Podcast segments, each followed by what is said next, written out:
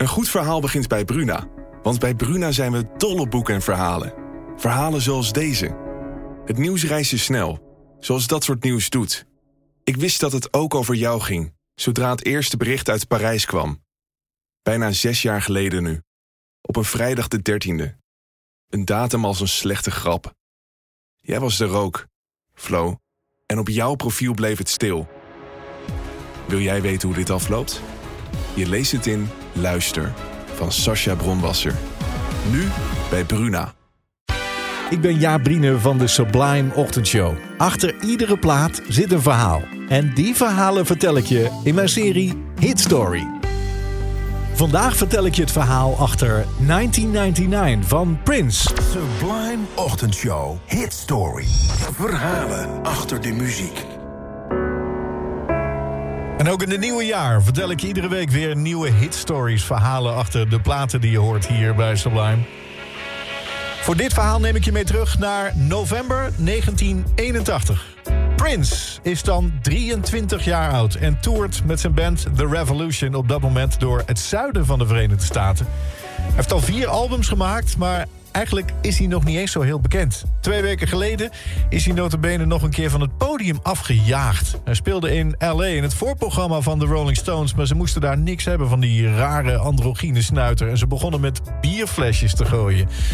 Nou, daar moest nou toch maar eens verandering in komen. Hij heeft een dubbel album in gedachten en dat moet een meesterwerk worden. Hij heeft een mix voor ogen van funk, rock, reggae, heavy metal, popmuziek. Het moet er allemaal in zitten. Het moet fantastisch worden. Hij heeft al een heleboel liedjes in zijn hoofd. Hij heeft er ook al een paar opgenomen. Maar hij is nog op zoek naar dat ene lied, dat ene nummer... dat het hele album aan elkaar moet binden. Tijdens de tour stoppen ze bij een motel... met een bord buiten bij de deur waarop staat... hier gratis HBO. HBO is die betaalzender, hè? Op dat moment, begin jaren 80, helemaal hot in Amerika. En de bandleden kunnen ook niet wachten... om dan lekker eindelijk s'avonds in bed te chillen... en de televisie aan te zetten.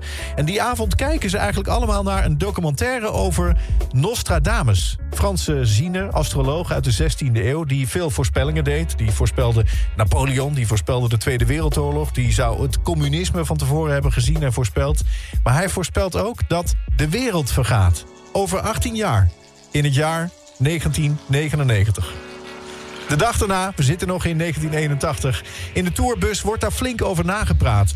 Het is de tijd van de Koude Oorlog. Ronald Reagan is president. Over en weer worden flink wat kernwapens gehamsterd.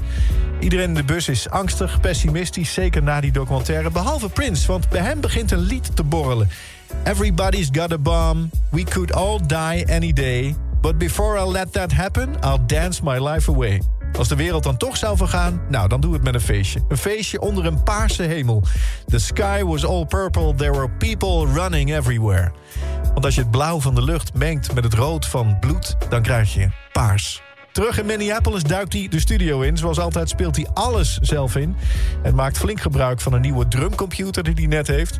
Hij slaapt weer eens helemaal niet voordat hij het nummer af heeft. Dat doet hij wel vaker. Deze keer eet hij zelfs niet voordat het af is. Want eten zou hem alleen maar slaperig maken. En voor het eerst vraagt hij een paar bandleden om mee te doen. Niet om mee te spelen, maar mee te zingen. Lisa en Daz uit zijn band. Zij zingen de tekst in om het meer stemmig te maken. Maar later besluit Prince dat het toch mooier is... als ze allemaal één voor één een regel zingen. Eerst Lisa, dan Daz en als laatste Prince zelf. En dan, om nog wat oneffenheden weg te poetsen... zet hij er nog wat geluiden van explosies onder. En klaar is zijn hit. In september van 1982 komt de single uit. Een maand later gevolgd door het album. En vanaf dat moment kent iedereen Prince.